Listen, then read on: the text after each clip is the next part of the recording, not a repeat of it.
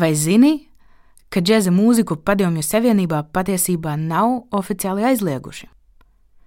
Vārdu salikumu aizliegtā mūzika saistībā ar šo žanru esam dzirdējuši neskaitāmas reizes un lasījuši visās vēstures grāmatās, taču tā nav līdz galam taisnība. Džeks Latvijā parādījies jau 1920. gados, vairāk nekā pirms gadsimta.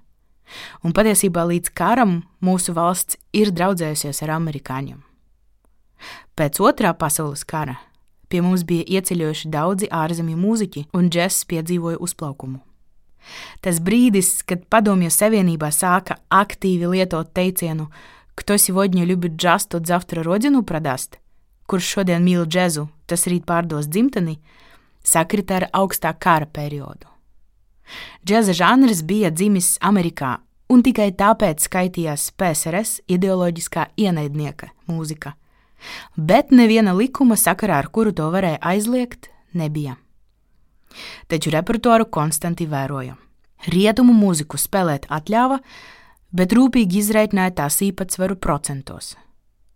Nācās manīties, Džezbendu programmās, ko apstiprināja valdošā vara, norādīja aranžētāju nevis komponistu.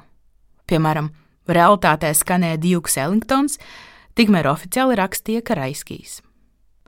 Alta saksofonists, pedagogs un aranžētājs Imants Meķis vienā sarunā piemin, ka pēc pirmā Latvijā džēza festivālā Kikok konservatorijas dekāns izsauca visus studentus, kuri tajā piedalījās – Tie bija pats Meķis, Ivars Vīgners, Aivars Krūmiņš, Birkāns, Raubiško, Zitars, Rezevskis un citi, un kaunināja.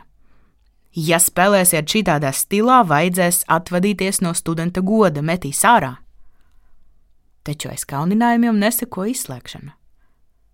Esmu pavisam nesen lasījusi Baltkrievu vēsturiskajā žurnālā Džas Kvadrāt arī šādus Latvijas džēza žurnālista Valērija Kopmana vārdus – Par Kikoku runājot, ienaidnieka valstī Amerikā dzimušā žanra festivāls notika tieši datumā, kurā risinājās kārtējais PSRS partijas plenērs.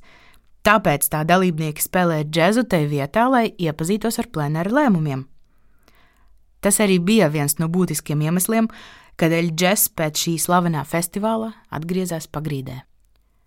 Daudzi klausītāji droši vien atcerās arī Aldi Armabriku, žurnālistu un kolekcionāru, savulaik Latvijas radio literāro redaktoru, fabrikas melodija redaktoru visās Baltijas valstīs, un arī Latvijas televīzijas un radio raidījuma Varavīksne vadītāju.